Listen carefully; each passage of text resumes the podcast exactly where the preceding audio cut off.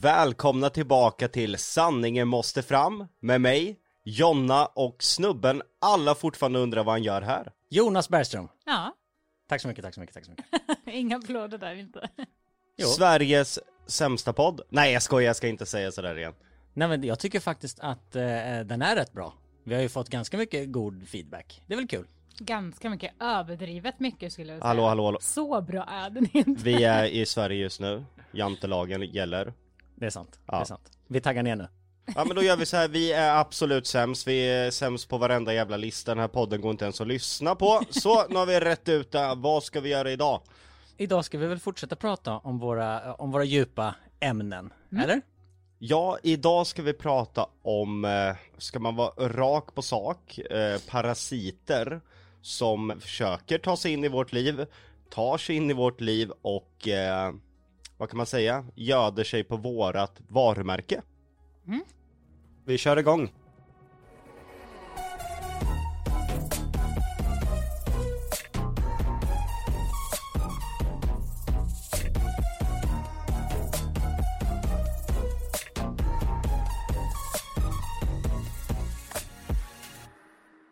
Ska vi börja från början, höll jag på att säga. Det är väl bättre tänker jag att backa tillbaka bandet så får lyssnarna följa med så får kanske man får en insikt. Lyssnarna ser ju det som händer på internet. Nu får man ju våra ord bakom hur det faktiskt påverkar oss. Och vi har ju varit inne på det lite tidigare, i tidigare avsnitt, att eh, dels så har ni svårt att lita på folk på grund av att det har hänt grejer. Kan ni inte ta lite exempel på när folk har försökt ta sig in i era liv bara för att rida på ert namn? Vi har ju haft en incident som jag tror att eh, alla som lyssnar och även de som inte ens följer oss vet om. Och det var ju en hantverkare som vi tog in i huset. Men den situationen vill eh, nog varken jag eller Jonna prata om. Jag tycker att den är ganska överspelad. Eller vad, vad säger du där Jonna? Ja, alltså jag gillar ju inte att prata om sånt som man mår dåligt över. Egentligen. Vissa saker fattar jag ju att man måste prata om, men eh, ja, det känns som att det här är över. Så det är dumt att gräva i det. Ja, det har varit en lång eh, harang kan man säga och eh, det var ju uppe i media nyligen. Den här hantverkaren eh, försökte ju då anmäla oss för förtal och det höll på i nästan två års tid och var otroligt eh, dränerande. Jag eh, började ju läsa juridik, det var väl egentligen anledningen varför jag intresserade mig av juridik för att kunna försvara mig och Jonna. Och eh, det var otroligt skönt när en chefsåklagare slog fast att det vi hade sagt var sant. Att personen själv var den drivande och högst delaktig i det hela. Och att allting lades ner. Det blev väldigt skönt att känna att okej, nu kan vi gå vidare med livet. För det blir lite så att det står på standby när man har någonting som ligger i ryggsäcken. Så man vet att okej, det här kommer ploppa upp en dag, vi kommer att behöva ta tag i det. Det enda man kan göra egentligen är att vara så förberedd det bara går. Jag måste erkänna att jag blev lite nervös när du sa att du ville prata om det här ämnet eftersom det är, eller finns risk att ni blir, eller hela podden skulle bli föremål för förtal. Och det är väl lite det som ni som kända personer måste akta er lite för hela tiden. När man är privatperson och sitter och pratar hemma vid köksbordet så är det en sak, men så fort det liksom kommer ut på sociala medier, på era stora plattformar, så kan det ju bli föremål för just förtal. Det är det som är så jäkla jobbigt för att det känns som att alla kan snacka så himla mycket om oss hela tiden och de får kasta ur sig dittan och dattan och bla bla bla och kalla det fakta och allting. Men vi får inte för, ens försvara oss, vi får inte ens prata om det alls för att då blir det förtal. Precis, så fort ni börjar ge motargument och säga saker, då anmäler de er för förtal. Och det är väl Exakt. lite det som vi ska prata om idag i podden, att det blir så svårt för er att försvara er, för folk kan anmäla er för förtal för att göra sig själv ett namn. Precis. Jag kommer väl ta lite det juridiska i det ni säger, för det stämmer. Jag och Jonna har en större spridning på våra plattformar och där man bedömer i ett förtalsmål är bland annat spridningen. Sedan så är det också att vara offentlig person. Då ska du vara öppen för allmänhetens beskådan, det vill säga att du ska kunna bli kritiserad på ett helt annat sätt. Och där faller väl lagen lite i och med att det är inte mycket kritik utan det är oftast ren och skär förtal i det mesta. Men det går under radarn för att du som offentlig person ska tåla det, rent ut sagt. Och det är ju en pissdålig lag egentligen. Så det är precis som ni säger att eh, en privatperson kan i stort sett vräka ur sig vad som helst om mig och Jonna. Det skulle kunna vara så grovt att jag är våldtäktsman, Jonna slår sina barn. Men skulle vi försvara oss emot personen så har den personen troligt ganska mycket större risk att eh, få en förundersökning inledd. Jag tror inte att det skulle gå till rättegång, för i förundersökningen så skulle man gå tillbaka och se, har den här personen själv varit delaktig? Vad sades? För det finns också en lag som säger, är du med i leken får du leken tåla. Det vill säga om du säger någonting om mig, så har jag i princip rätt att försvara mig. Och där kommer man komma fram till i förundersökningen. Men det är precis som ni säger att du förmodligen skulle kunna anmäla mig, även om jag bara försvarar mig, och få en förundersökning inledd. Och det är väl det som är så dränerande hela tiden, för ni har ju varit föremål för flera sådana här förundersökningar. Ja, verkligen. Det tar på energin, men samtidigt så är jag jäkligt stolt över att vi alltid har vunnit alla. Och eh, nu i efterhand jag ska väl inte säga att jag är glad att det har hänt, men det har tvingat mig själv att utveckla mig själv. För att jag är väldigt sån att eh, jag säger till Jonna, lyssna inte på någonting, ta inte del av någon information, fokusera på dig själv, fokusera på barnen. Jag sköter allting.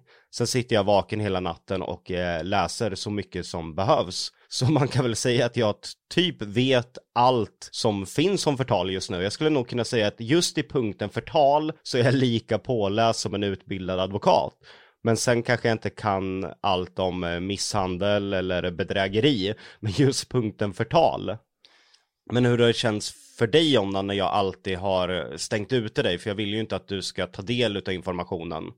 Vi har ju tidigare varit inne på att jag är en väldigt stressad person och sånt här stressar mig jättemycket för att jag vill ju bara vara Jonna, jag vill bara vara våran familj, jag vill bara kunna jobba, mysa med familjen, alltså vara oss liksom.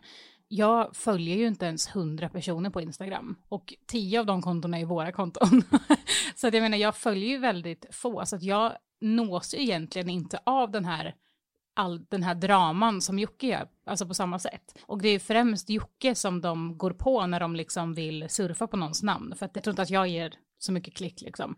Men sen så är det ju att de går ju ändå på familjen, så att de går ju på mig och barnen också. Och eh, jag försöker hålla mig så långt borta från det här som möjligt. Så att det blir ju Jocke som får ta den stora smällen. Men eh, det är väl för att jag kan inte hantera det. Jag kan liksom inte vara en bra mamma om det här når mig, för att jag blir men så stressad, det går ut, alltså jag får väldigt kort stubin. Men jag kanske liksom inte kan vara lika kärleksfull mot barnen utan att det blir så här, ja men vad tjatar de, ta en macka. Alltså att det blir liksom, jag blir lite kort kanske. Så att eh, jag är ju tacksam att Jocke får ändå ta det här, även om jag fattar att det är jättejobbigt.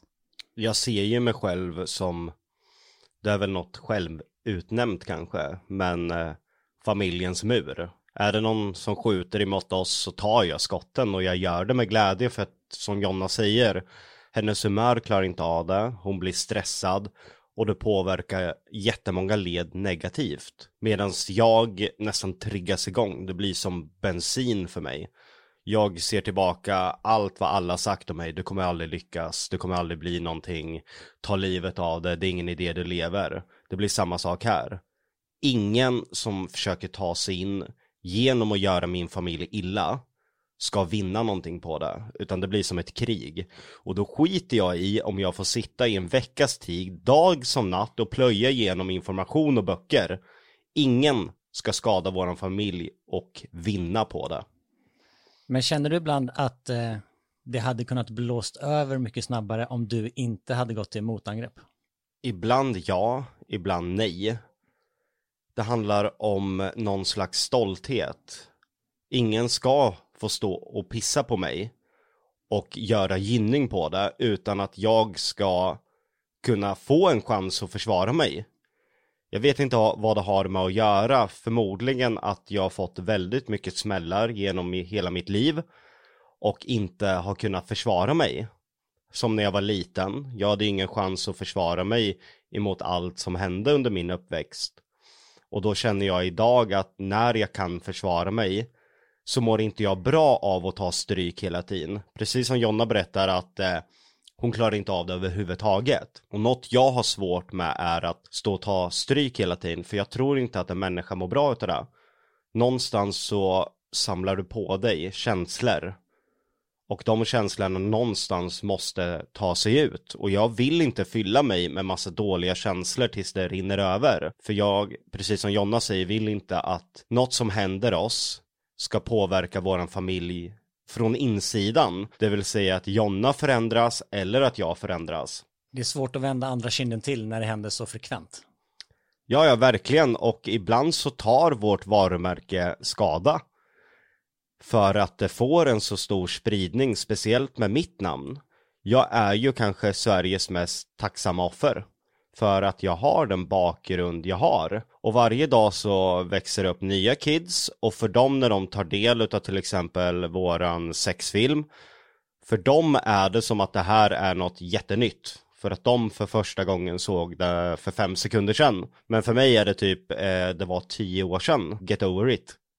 Och likadant med min blogg, allt vad jag gjorde på den tiden. När det kommer personer som ska leva på våran våg så är det alltid gamla saker som dras upp. Det är extremt unga anhängare till de här personerna. Vi pratar pojkar mellan 8 och 12 år. Väldigt underutvecklade människor och de är väldigt svårt att nå ut till. För jag tror att ni också vet när ni var mellan 8 och 12. Information som kommer, man är inte så källkritisk. Utan man köper egentligen det mesta som man hör. Och det blir väldigt omöjligt att försvara sig mot sånt.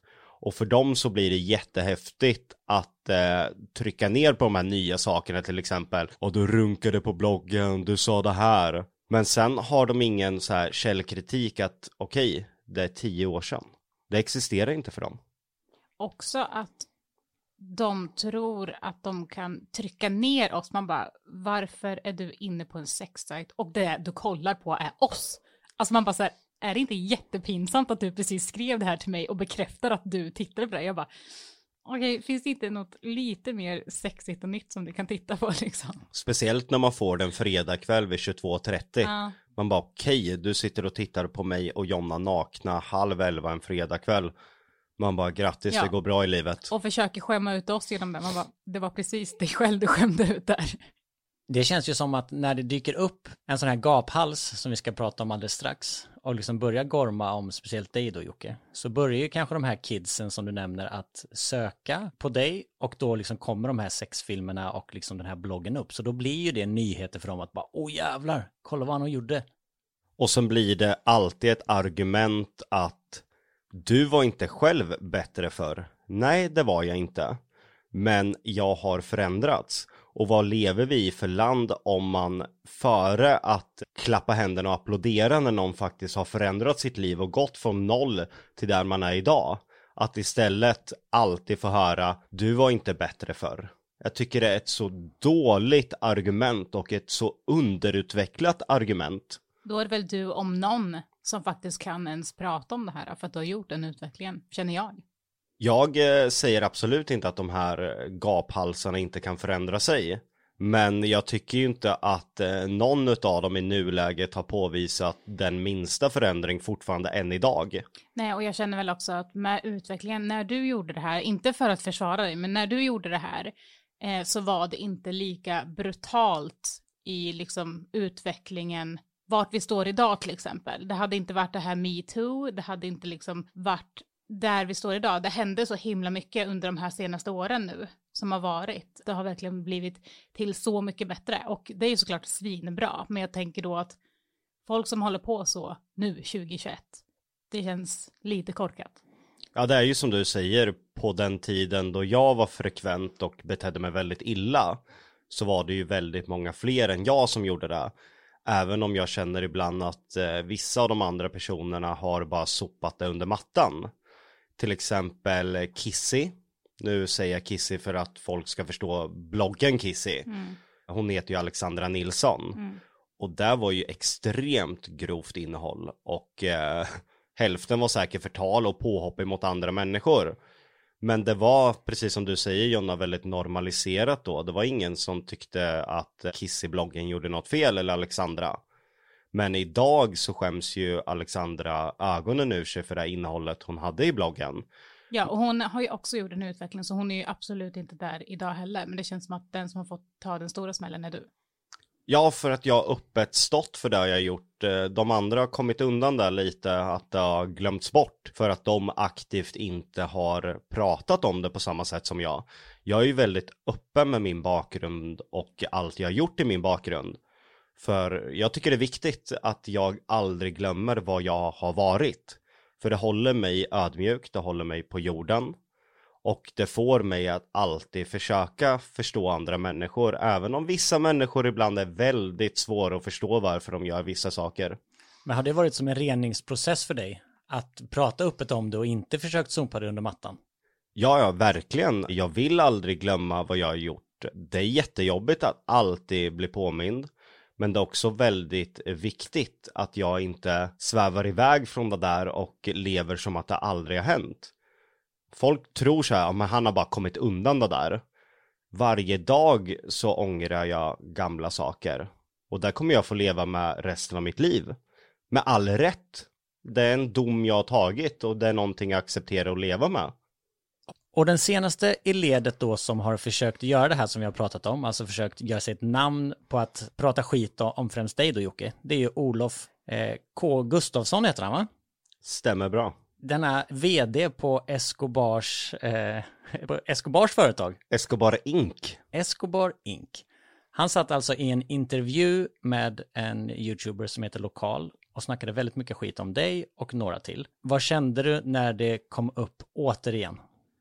Jag förstod ju ganska snabbt att den här killen kommer få samma grupp av följare som den här hantverkaren som var i vårat hus och eh, även en youtuber som heter Verse som också har varit och klängt på min och Jonas rygg under ett antal år. För det är alltid samma målgrupp de får. Jätteunga killar som tycker det är superhäftigt med personangrepp att eh, trycka ner kvinnor, att eh, gå över alla gränser i påhopp. Det är alltid den grupp följare de får. Och det är aldrig några kvinnor i målgruppen de får som följare. Utan det är som att min lilla hatarmé för att det är jätteokult att gilla mig och Jonna i åldrarna 8 till 12 år, speciellt pojkar. Det är inte coolt, utan det som är coolt är att hata mig och Jonna i den åldern. Och då får de som en ny herde hela tiden. Och i deras värld är det bra att någon säger ifrån Jocke. Man bara säger ifrån vadå? För ska vi bryta ner den här intervjun där han pratar om med mig är att jag inte har någon deg, som han säger, alltså att jag inte har några pengar och att jag eh, lisar min Lambo. Det är egentligen det enda som sägs. Och då tror de här unga killarna att det är jättehäftigt att eh, köpa någonting för cash. Medans eh, vuxna människor förstår ju att man låser inte kapital i bil, båt, hus och flyg. Jag hoppas inte att någon tycker det är häftigt att eh, betala saker i cash och tar det för givet att betalar man inte i cash, då är man ingenting värd. Men jag ska förklara. Om du har eh, två miljoner, vill ha en bil för 1,7 så är det jättedumt att låsa de här 1,7 miljonerna i den här bilen. För att pengar ska vara levande, de ska röra på sig och det är betydligt bättre att försöka investera de här pengarna i någonting. Vi säger att det kan ge 12% avkastning på pengarna. Då förlorar du pengar genom att låsa dem i bilen. Det är idiotiskt. Inte ens de som tjänar hundratals miljoner köper saker kontant. Utan man försöker låta så mycket av pengarna som möjligt vara i rörelse och leva. Och jag får säkert eh, Ja, det kan nog vara upp mot 100 DM per dag. Det alltid är från unga killar. Ha ha ha ha, du lisade din Lambo. Ungefär som att jag vore exposed. Som att det vore någonting jag skulle dölja. För det första så är den ju inte lisad, för det är också helt fel. När du lisar en bil så är det mer att du hyr, du lånar bilen. Och du får absolut inte byta registreringsskylt eller göra en foliering på bilen som jag har gjort. Utan Lambon är kreditköpt, inte lisad. Men då skrattar de åt det som att det vore något jättepinsamt att ha köpt en bil på avbetalning eller på kreditköp. Och då blir jag så här att de här människorna påverkar de här kidsen så jävla dåligt. Ja, för de drar ju med sig någon slags hatstorm av ren okunskap egentligen. De tror alltid på mytomaner. Mitt nya så här ordspråk ska bli kids, sluta tro på mytomaner. Men jag tror inte att det är för att de tycker att mytomanen i sig är cool, utan för att oh, äntligen finns det någonting på Jocke. Det är ju det. Alltså det handlar inte någonting om personen i sig överhuvudtaget, utan bara så här, oh, kolla det här, det här är äntligen har vi någonting på Jocke som du sa, nu är han exposed. Och sen bara, okej, okay, källa på det, va, eh, okej, okay, vet du vad det här innebär, vet du vad det är vi pratar om?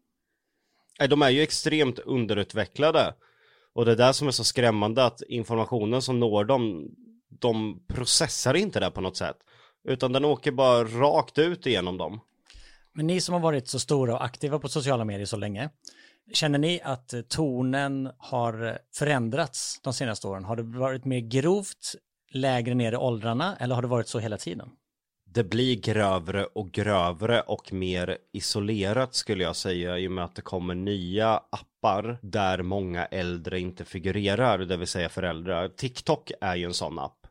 Sen har väl vi också pratat väldigt mycket hemma om till exempel när vi gick i skolan, så, ja men i mellanstadiet och högstadiet och så, man kunde inte liksom säga ifrån till läraren för att det var grovt. Nu kan vi läsa i tidningarna, speciellt lokaltidningen, liksom att ja, men där skriker barnen håll käften och hotar lärarna. Man bara, vad, vad i helvete är det som händer? Alltså det känns som att man har bara mindre och mindre respekt. Alltså idag, och det spelar nog alltså ingen roll egentligen vilka åldrar, men speciellt unga. Det är precis som Jonna säger, man har idag inte samma respekt för vuxna människor. Man har inte respekt för att personen har mer erfarenhet och mer kunskap. Utan alla ska försöka se sig själv som någon cool rebell. Och det är så viktigt att vuxna förklarar rätt och fel för barn genom uppväxten. Att kontinuerligt, nästan som KBT-träning, programmera in vad är en bra moralisk kompass. Om vi går tillbaka till den här personen, Olof eh, K Gustafsson. Vidare från mig, eh, han var ju på Anis Don Demina, Einar, Jan Emanuel så började han ge sig på väldigt unga tjejer på appen TikTok. Och eh, han kunde bjuda in eh, en tjej i eh, en livestream. Jag minns ett segment och det var en tjej som satt med någon ispåse på pannan. Och då kläcker han ur sig orden, är det en bonkad hora? Och då blir jag så här, vad sa du precis? Men så kollar man kommentarsfältet och barnen tycker det här är jättekul. Vidare så bjuder han in flera andra personer, kvinnor, erbjuder dem bilar, pengar för att göra någon slags eh, sexuell posering, det vill säga dansa för honom och för de tittarna som är inne i livestreamen. Med argumentet, vill du inte bli känd? Vill du inte ha en bil? Och det är ingen som är inne i den här livestreamen som reagerar. Förstår du hur skadat det är när man inte förstår vad det är som händer? Vad tror ni då? Tror ni att det är liksom själva samhället i sig som har en hel social medievärld som de inte övervakar? Eller är det föräldrarna som inte har tillräckligt stor koll? Båda två skulle jag säga. Jag tycker att internet är för lättillgängligt nu och eh, det kommer bara nya appar hela tiden. Föräldrarna har väl väldigt mycket med sitt också, med jobb och liksom sitt liv, så att vissa kanske inte kan kontrollera. Det är lätt att bara så här, ja men här har du din telefon, nu har du fri lek ett tag och sen vet man inte alls vad personen gör och man kanske liksom är, ja ja jag vet inte det här Youtube och allt vad det är men det sitter du, men inte vet vad som finns där. Jag skulle aldrig låta mina barn ha varken TikTok eller Snapchat för att det är verkligen någonting som jag inte tycker är okej överhuvudtaget. Sen klimatet på YouTube tycker jag är helt katastrof nu också. Men eh, där, jag kan lite mer om YouTube så därför kan väl jag hålla lite mer koll där typ. Jag kan ju säga att klimatet på YouTube är ju guld och gröna skogar om man jämför emot TikTok. Mm. Eh, vidare sen så spårar ju det här kontot Olof K Gustafsson ur ännu mer på TikTok. Han bjuder in en välkänd 16-årig eh, artist som heter Elvis och förmår då honom till att han borde köpa prostituerade. Och det var ingen som reagerade på det här. Jag tog upp det på mina sociala medier. Men sedan så plockar Expressen upp det och gör en stor artikel och då reagerar hela Sverige på det. Då är det för jävligt. Hans konto stängs ju givetvis ner. Jag var en stor delaktighet i det, jag kontaktade ju självklart TikTok. då får jag tusentals DM från väldigt unga personer som säger att det är för jävligt att jag kan styra och göra en cancel då på den här personen. De förstår inte att det är ett regelbrott som har gjort att han är avstängd. Att det inte beror på mig att jag har kontaktat TikTok. Utan det är hans beteende som gör att han är avstängd. Du kan ju inte höra av dig till dem och bara, jag gillar inte den här personen, den pratar skit om mig, kan ni stänga ner den tack? Och sen stänger någon ner då. Och unga är ju väldigt emot den här cancelkulturen och det är ju jag också.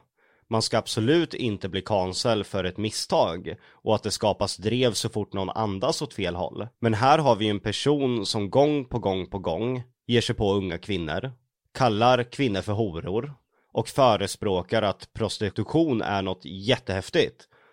Och det är jätteallvarligt vad det sänder ut till de här unga killarna. Sen samtidigt så sitter vi och har en debatt varför det är så mycket sexuella övergrepp emot kvinnor och varför män eh, tafsar, varför män inte förstår att ett nej är ett nej. Är det så konstigt när det här är generationen som växer upp?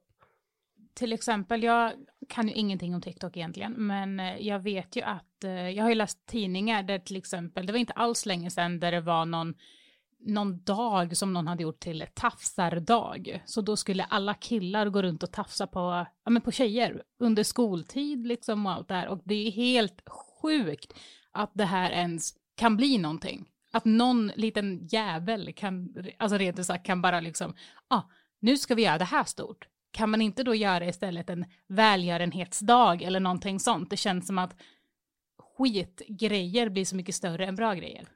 Mina barn blev jättepåverkade av den här tafsadagen och ville inte gå till skolan just den dagen för att de var jätteoroliga att det skulle hända någonting. Alltså det är så sjukt. Jag tror ju att det beror på, som Jonna varit inne på tidigare, att det är obevakat. Och det här är en ganska hård känga mot eh, Sveriges influencers. Men varför bara skapa drev som man gynnas av själv? Eller för att alla andra gör det? Det är som att det som händer på TikTok, det tar man inte upp för man lever inte riktigt i den världen själv. Om vi jämför när Vlad gjorde den här videon där han sexualiserade kvinnor på YouTube. Jag såg inte en enda influencer som inte hängde ut honom. Och då är det för att det här är någonting som de lever bland. Men när det händer någonting på en annan app som är betydligt, betydligt grövre, då är det bara helt tyst. Då är det som att, ja men det där är, det där är inte min garderob. Det där är skit som ligger någon annanstans. Men den skadan den gör är ju i nästa våg utav eh, män eller pojkar som ska växa upp och bli män. Då blir det väldigt fel att stå där och skrika att hur kan män ha så dålig kvinnosyn? Det som jag alltid har sagt, man måste börja med barnen. Man kan inte börja utbilda vuxna män till att ha en bättre kvinnosyn, utan man måste börja med barnen. Så att man ser till att nästa generation växer upp och inte har den synen. Eller vad tänker du om det Jonna? Ja, det känns också som att eh, pojkar är mer lättpåverkade. Ja, men med grupptryck och liksom med att passa in. Jag tror att det blir liksom mer att eh, de också kan heja på lite. Att det blir ett vad fan ska du inte göra det här? Ja, kom igen då, kom igen då, du är med i vårt gäng och det här är coolt och kolla in den här. Man vill, man vill trenda liksom och man vill vara, man vill ha kompisar och att kompisarna ska tycka om en. En machokultur kan man väl ja. säga. Att eh, man måste vara cool, man måste våga nästan mobba för att kunna passa in i det coola gänget. Vad har ni för tips till, eftersom ni är så bevandrade på sociala medier, vad har ni för tips till föräldrar? Hur ska de kunna hjälpa till och eh, inte övervaka sina barn men kunna leda dem rätt? Det är väl att läsa på om apparna, kanske skaffa apparna själva som deras barn har för att kunna liksom få så mycket information och hänga med i svängarna där. Liksom. Är det så att man kanske inte hinner hänga med, ja men då kanske man ska ta bort några appar och bara hålla sig till några få. Och gärna prata med andra vuxna, kanske barnets kompisars föräldrar och liksom så, så att man ändå håller koll och blir uppdaterad. Och gärna i skolor också, att man kanske frågar barnen vad som är, vilka appar som är trendiga. Så att eh, föräldrarna kanske ska få hem en lapp där, ja men i, i den här klassen så är det många som har de här apparna. Ja, kolla in dem liksom och kolla vad som, men vad som finns där. Mer delaktig i barnens sociala medieliv helt enkelt. Det är så lätt att fråga hur var det i skolan idag eller hur gick det på fotbollsträningen idag? Men man kanske inte riktigt frågar vad händer på sociala medier? Eller vad gör du och dina polare på sociala medier? Den frågan kanske inte kommer för att föräldrarna kanske inte tänker så, för det var inte så när de växte upp. Precis.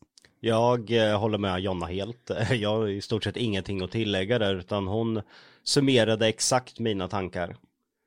Har man inte tid att hålla koll på barns sociala medier, låt dem inte ha sociala medier. Det är ditt ansvar som förälder att se till att din barn är tryggt på internet och att ditt eh, barn håller andra barn trygga på internet. Idag är det ju ganska etablerade sociala medier men det finns fortfarande vuxna som ser ner på det som att det är någon eh, ny trendig grej. Någon app som blir trendig och sen blåser över.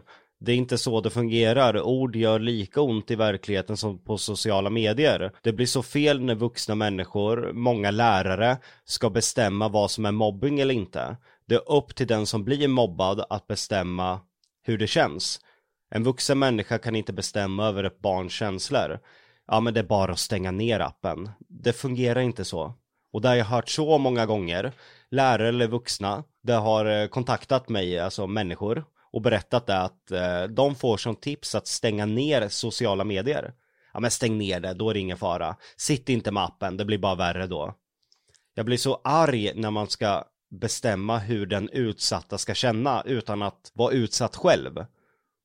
Också att jag tror att, eh, alltså, eller jag vet att det har ju en större spridning på sociala medier än vad det har i verkligheten. I verkligheten kanske det är ja, men någon i klassen som mobbar eller någonting sånt och då Alltså, jag ska inte förminska det överhuvudtaget, men det jag menar är att det kan vara en jobbig situation där, men på internet så kan det bli ett sånt drev för att där vågar personerna oftast inte stå för vad de gör. De kan gömma sig bakom ja, men ett nickname som är bara fotbollkungen 1803. Alltså det kan vara liksom så här ett namn och en profilbild som inte hör ihop med personen överhuvudtaget. Så man är väldigt mycket mer anonym där och då tror jag att det är mycket lättare att bete sig väldigt illa för att då behöver du inte stå för vad, ja, med dina handlingar helt enkelt. Folk som vanligtvis kanske inte skulle mobba eller våga mobba kanske gör det bakom sitt tangentbord eller bakom sin telefon på ett helt annat sätt. Exakt, och där, där är vi också inne på då de här personerna som sitter i stora lives, får mycket följare för att de snackar skit och sånt där. Då blir det ju liksom ja men den här gör ju det och den här har ju så här mycket följare, då är det ju coolt. Och man måste också förstå att eh, de som mobbar oftast gör det av en anledning. De kan vara osynliga i hemmet, de kan ha problem med alkoholiserade föräldrar. Jag har både varit den som mobbar och den som har blivit mobbad. Så jag vet hur det känns från båda perspektiven. Barn har väldigt, väldigt mycket känslor och där känner jag igen mig som har diagnosen Asperger. Och händer saker hemma så fylls barnen utav känslor.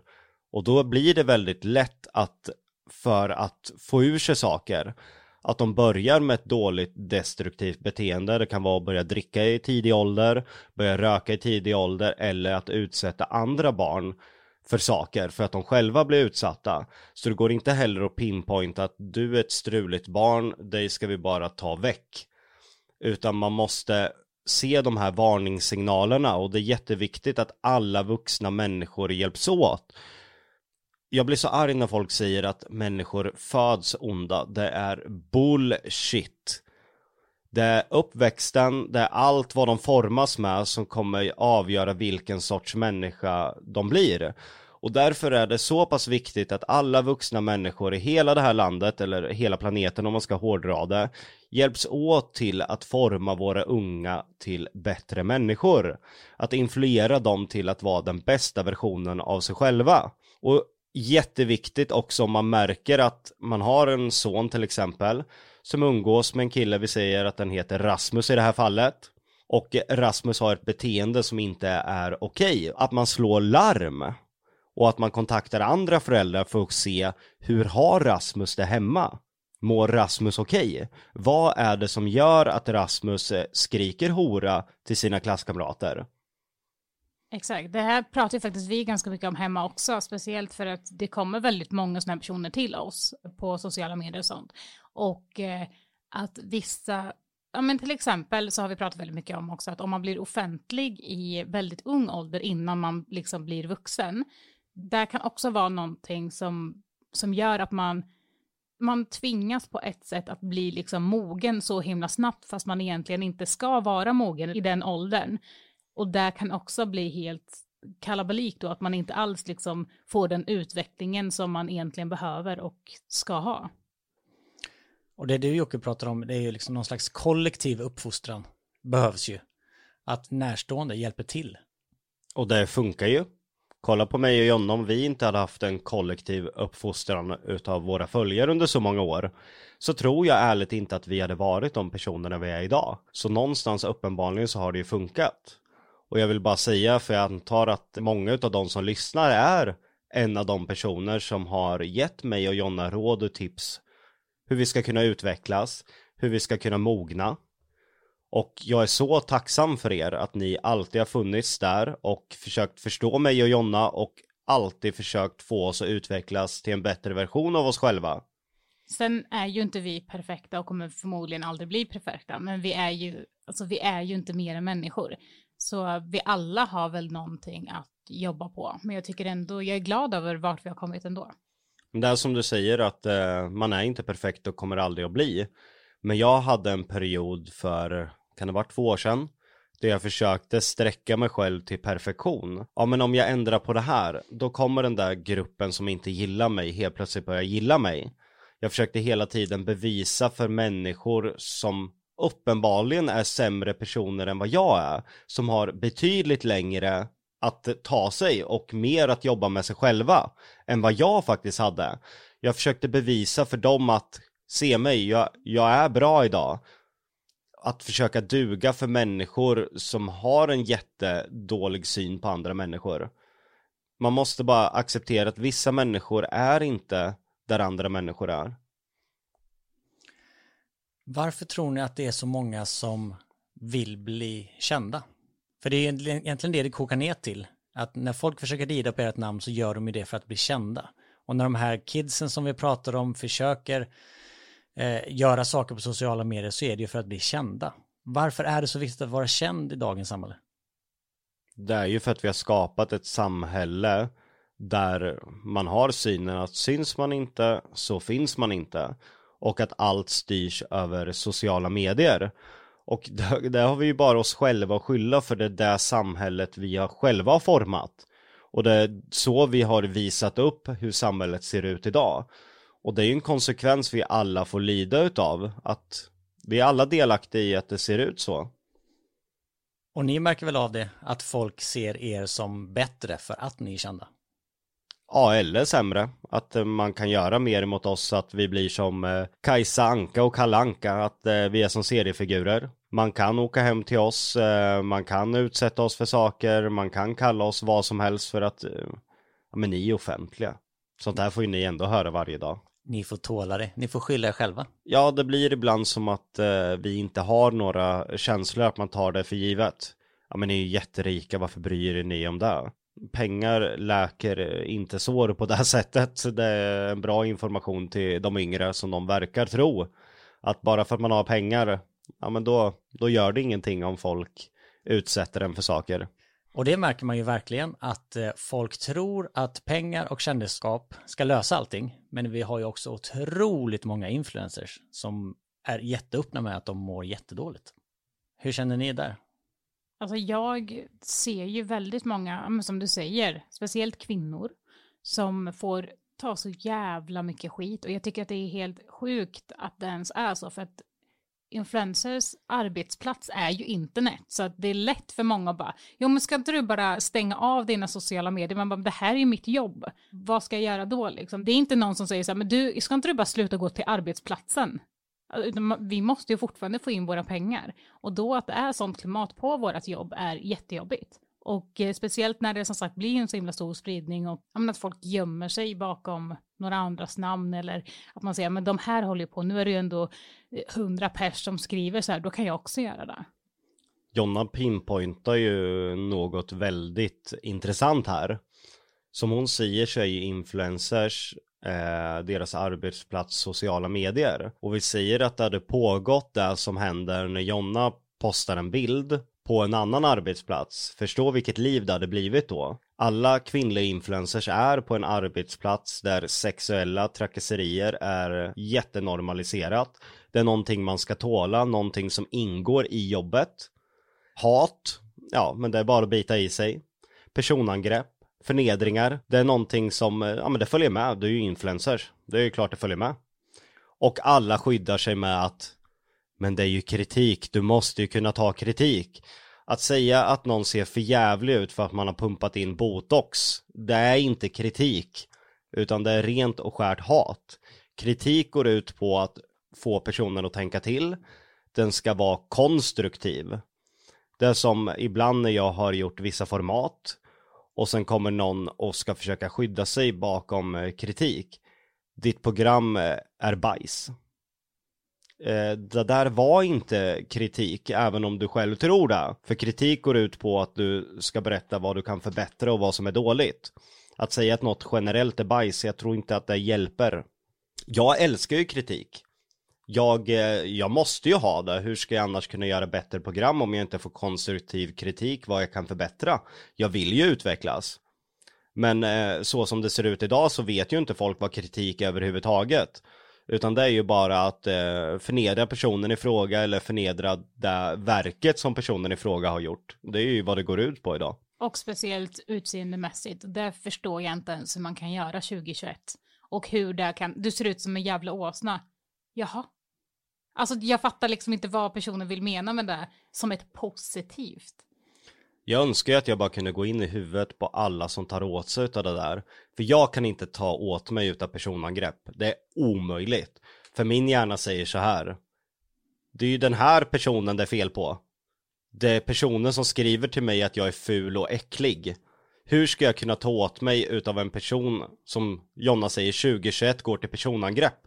Men sen så tror jag också så här att till exempel om vi pratar om eh, Peg Parnevik och Filip. Han är ju med i eh, Let's Dance och dansar med en tjej där och då har ju Ja, jag kan tänka mig att det är snorungar som eh, skriver då till Peg att eh, han, han har skaffat en ny flickvän och kolla de är kära, la la la la. Jag tror inte att hon tar åt sig den när det kommer till en bara viss mängd, men när det kommer hela tiden och liksom att man kanske redan mår dåligt och sen kommer det ännu mer och ännu mer och ännu mer och det kanske är andra saker som händer i ens liv också. Då blir man nedtryckt, då är det svårt att ta den här spegeln och bara putta bort det.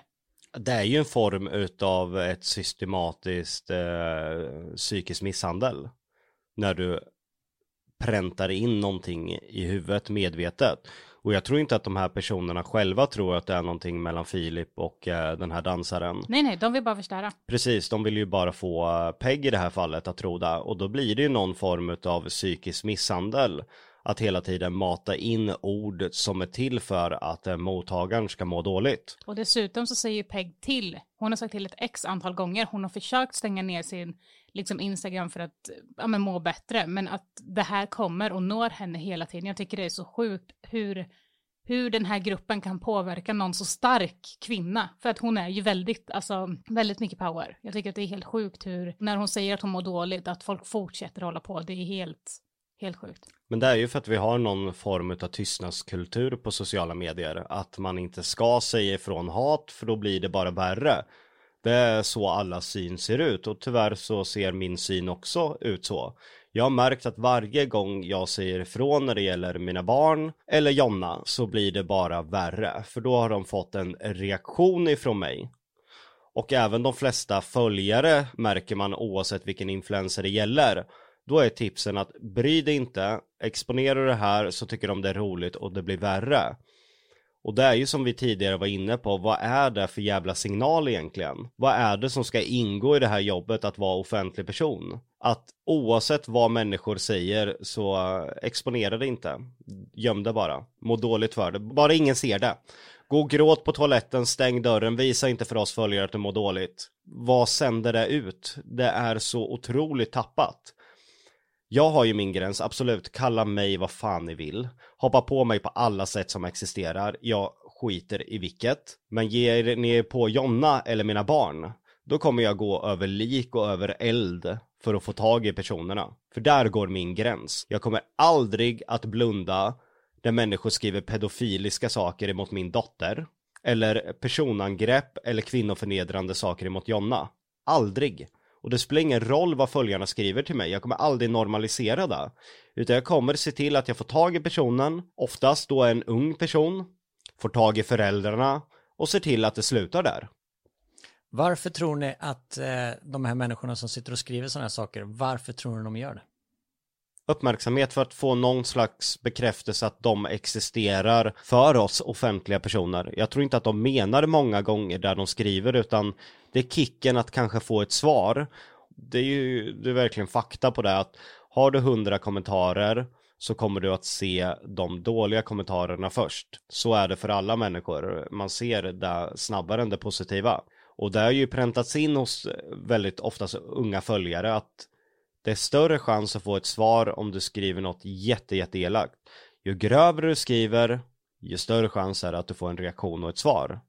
Så. Tror du inte det är lite så, Jonna? Jo, också kanske det är också att vi, som vi var inne på lite tidigare, att det kan vara att man försöker höja sig själv. Man kanske har gjort någonting som man mår väldigt dåligt över eller att det är någonting som har hänt i ens liv som man liksom mår dåligt över och då behöver man få ut de här aggressionerna och eh, ja, trycka ner någon annan för att höja sig själv. Liksom. Lösningen på problemet någonstans är ju att influencers måste sluta och bara hoppa på trender som är poppis. Vi har ju pratat om det väldigt många gånger Jonna, att eh, man känner sig tvungen att dela vissa saker för att alla gör det.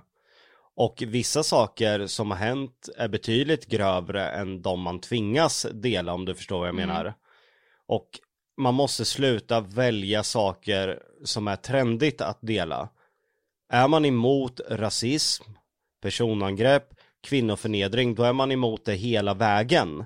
Och inte bara när någonting blåses upp i sociala medier. Och då känner man sig tvungen att ta avstånd och dela. Också att det bara finns en svart och en vit sida. Det och de bara, okej okay, vilken sida står du på? Visa vilken sida du står på, du måste lägga upp. Vem, vem sida står du på? Man bara, jag står inte på någon för jag tycker båda har gjort fucked up grejer. Bara, jo, men då skyddar ju du den här personen. Skyddar du den bara för att du har umgåtts med den eller skyddar du den bara för att det här? Man bara, nej, jag tycker båda var. Läs inte vad du tror liksom att jag ska skriva eller vad du vill att jag ska skriva. Ta det så som jag säger det. Och det är ju också en signal att människor måste vara en del av det som trendar och det som är inne. Vi säger att det finns en annan händelse men det har ingen uppmärksammat än och då känner man som jag tror vissa influencers, ja men det är ingen som tar upp det där. Det är inte trendigt, det är inte inne. Och sen när det helt plötsligt två dagar senare blåses upp som löpeld över hela landet, ja men då kan man dela inlägget. Och eh, för mig är det helt oförstående. Och det gör att jag ibland inte vill dela någonting för att jag inte vill vara en del av det här när man ska bara gå på populära åsikter. Jag är exakt inne där med. Jag, förut så delade jag saker och sånt, men sen så blev det också så här, då var jag tvungen att gå in i ett argument och behövde tjafsa med folk för att jag tyckte så eller för att jag inte tyckte så och hit och dit. Och det tog så onödig tid för mig så jag känner att jag kommer inte dela någonting för att jag pallar inte med den här draman. Och sen tycker jag att sånt kan vara väldigt jobbigt också för ibland är det väldigt viktiga saker som man faktiskt behöver dela. Men då har jag valt nu att nej, jag, jag kan inte dela någonting. Man behöver ju prata om de här sakerna kontinuerligt hela tiden. Inte bara okej, okay, nu har jag delat ett inlägg som handlar om rasism och nu är det bra där, utan det är ju en kamp som eh, svarta människor upplever dagligen ett förtryck, ett strukturellt förtryck. Det är ingenting som går över för att man har lagt en post, utan det är ju någonting man både måste jobba med bakom kulisserna, bakom sociala medier och aktivt jobba med på sociala medier, att ta avstånd och visa här är jag, det här är mina värderingar och så här tycker jag. Det hjälper inte att bara, okej okay, men nu gjorde jag min bra grej. Nu, nu delade jag den här nu bilden. delade jag den här bilden. Klart. Känner ni att ni blir dömda genom association? Alltså om era influencervänner gör någonting så blir det genast bara så här, jaha, nu måste ni ta ställning. Gjorde han fel eller gjorde hon rätt eller vad, vad är det som händer nu? Ja, ja, har vi ens träffat personen en gång och det har synts i någon video eller på bild, då är det ju, alltså, jag kan säga så här, Jocke skulle nog få mer skit än vad personen i fråga som har gjort grejen liksom skulle få. För att det är Jockes vän. Det är, det är inte liksom om personen har ett eget namn utan det är Jockes vän som har gjort det här fast de har träffat varandra två gånger. Ja, den är verkligen standard. Ja, när jag intervjuade Daniel så sa ju han det att om jag skulle gå ut och råna en bank nu så hade det inte stått att Daniel har rånat en bank. Då nej, skulle nej. det ju stå Jocke och Jonas vän har ja, rånat ja. en bank. Exakt.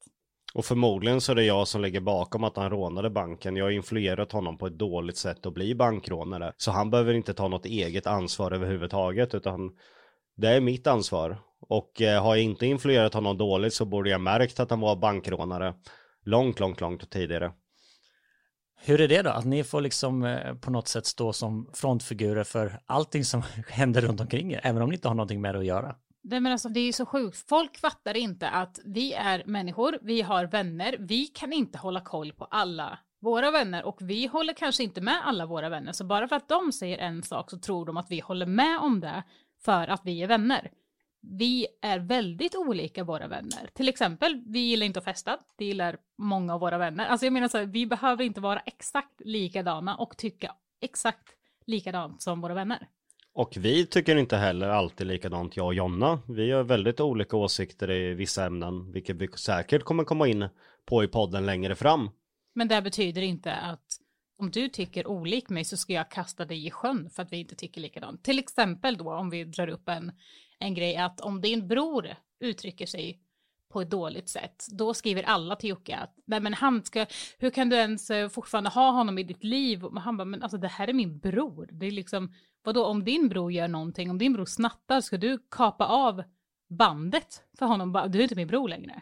Ja, det var ju väldigt stort att eh, tusentals människor försökte pressa mig till att säga upp kontakten med min bror. För att han har uttryckt åsikter som inte är okej och de var inte okej, de åsikterna han uttryckte.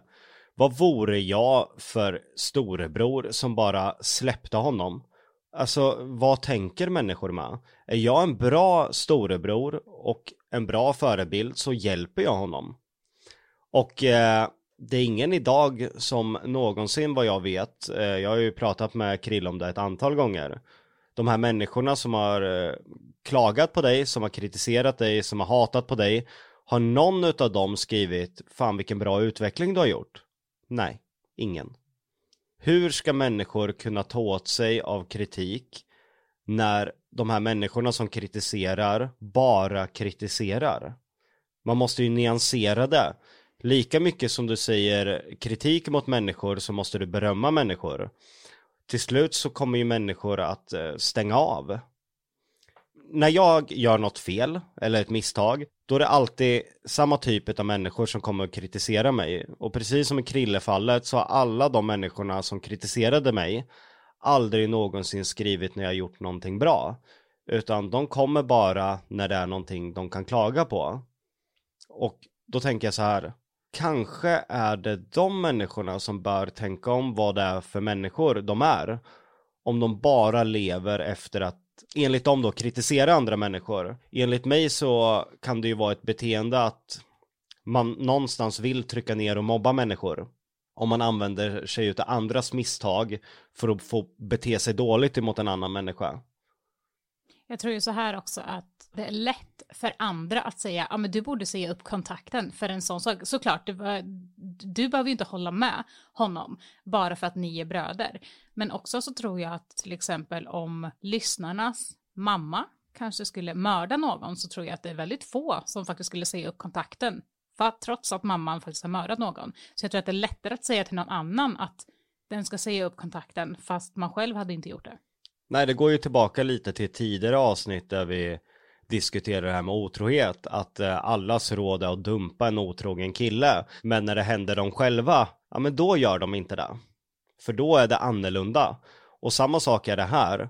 Jag tycker inte man ska ge råd till andra för man har upplevt det själv. Då har man en erfarenhet. Men innan dess är det som Jonna säger, jag tror inte heller att någon hade sagt upp kontakten oavsett om ens mamma hade mördat personen. Känner ni att ni får eh, ta mycket ansvar för vad barn gör på nätet? Alltså att föräldrar skjuter över ansvaret på influencers? Ständigt. Mitt barn har kollat på det här klippet, jag tycker inte du ska ladda upp det här. Eh, det här klippet eh, går för det första inte ut till barn. Det är ganska tydligt att det inte är ett content som eh, barn ska ta del av. Men ändå är det jag som ska ha det ansvaret. Det är ju inte så att eh, TV4 behöver ta ansvar för att barn sätter på filmer klockan 21.00 där det innehåller våld. Sluta skyll på influencers för att man inte hinner hålla koll på sina barn. Det är föräldrars ansvar att se till vad barnen integrerar med på internet. Inte de som publicerar saker. För det finns en bred marknad utav eh, innehåll en del innehåll är barnprogram, en del är ungdomsinnehåll och sen finns det innehåll som riktar sig mot vuxna, det vill säga filmer med våld, content som innehåller lite grövre ord, dokusåpor, vi har aldrig gått ut med att vi är en barnkanal. Jag fattar inte ens. För folk kan ju som sagt skriva till oss och om oss på sociala medier. Bara så här, Hur fan, Jocke och Jonna, bla bla bla och bara skriva skit om oss. Man bara så här, men det är du som är dum i huvudet som låter dina barn kolla på oss. Alltså, det är inte vi som säger, låt era barn kolla på oss. Vi är inte en barnkanal. Vi har inte barnsociala medier, så varför låter ni era barn kolla? Jag bara, jag skulle inte låta mina barn kolla på oss om, det, om jag var ni liksom. Nej, skyll la, inte lat, lata föräldrar måste börja ta ansvar, sluta skylla ifrån er, sluta vara lata. De skriver ju också att vi ska ändra vårt innehåll. Man bara, men va? Vi kan inte ändra vårt innehåll för att ditt barn ska titta på oss. Då får du hitta någonting som passar ditt barn faktiskt. Jag ställer frågan till främst dig då Jocke. Tror du att det kommer komma fler personer som försöker rida på ditt namn och skapa hype kring sig själv genom att slänga dig under bussen? Ja, det tror jag verkligen. Eh, det kommer nog hända fler än en gång. Och det kommer tyvärr utspela sig på exakt samma sätt till dess att influencers tar sitt ansvar och ser till att sådana här människor inte får den spridningen i sociala medier. Det är så viktigt att kollektivt säga ifrån. Att göra det varje gång. Att inte känna att ja, men jag är ändå inte på TikTok så jag orkar inte lägga ut om den här personen. För ibland så är det så att oj, den här personen har inte sagt ifrån om det här men då kanske det någonstans är okej där den här personen säger. Det gäller att kollektivt se till att människor som har ett aktivt kvinnoförnedrande uttryck inte får den exponeringen. Att det inte går att välja okej den här gången var det trendigt när det gällde Vlad men den här gången så är det inte så trendigt. Då, då hoppar inte jag på tåget. Har vi hjälpt till i den spridningen nu genom att prata om honom eller har vi lyft ett större strukturellt problem tycker du? Jag tycker absolut vi har lyft ett större strukturellt problem i podden nu och jag hoppas att väldigt många tar åt sig av det här. Jag tror det är många som är föräldrar som lyssnar på podden. Och det jag vill säga till dem är att det är jätteviktigt att ni ser till att era barn inte följer människor som aktivt har en kvinnoförnedrande syn och dessutom låter den löpa ut över sociala medier, det vill säga kalla unga kvinnor för saker eller följa människor som kontinuerligt sysslar med personangrepp.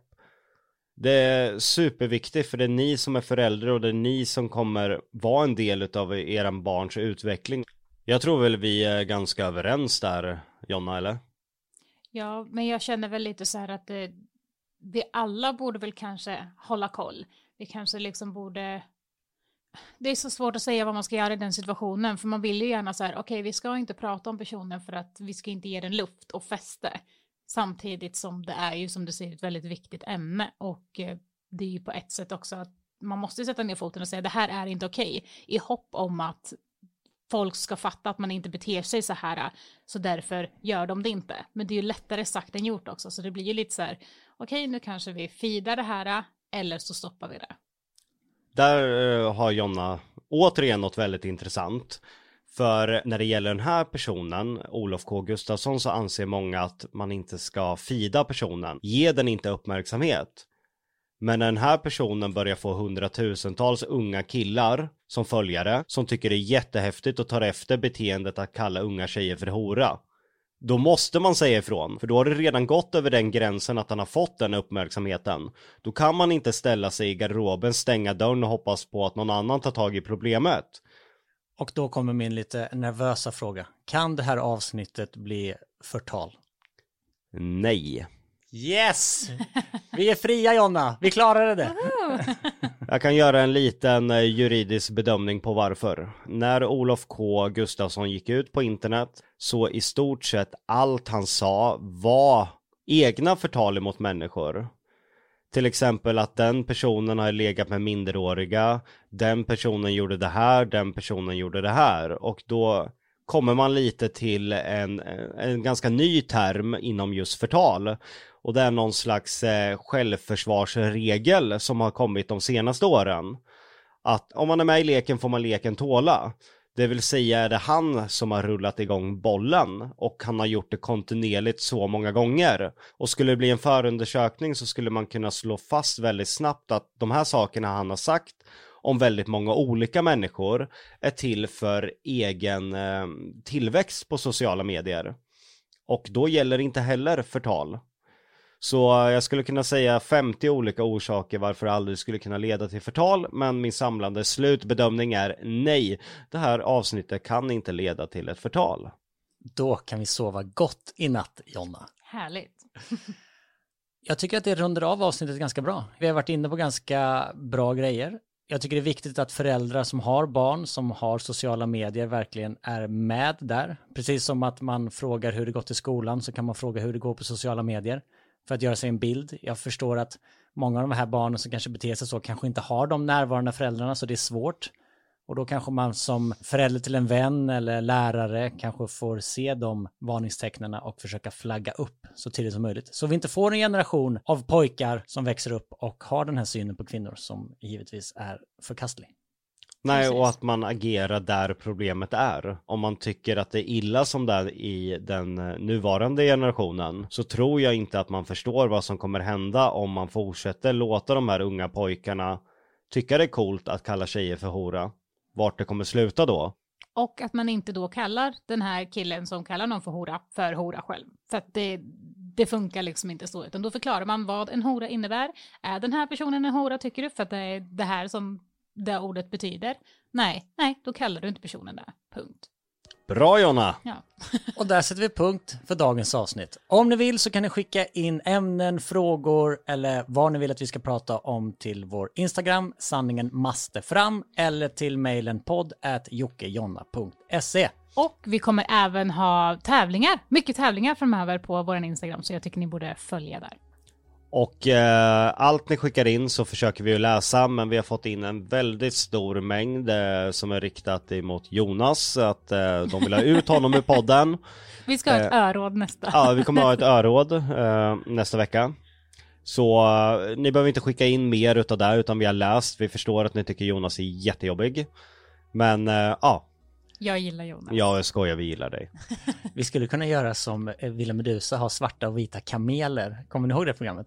Eh, nej, du är ganska gammal. Jag är mycket äldre än vad ni är. Inte mycket. Tack för att ni lyssnade på podden den här veckan. Vi ses och hörs i nästa avsnitt. Det Hej då! gör vi, hejdå!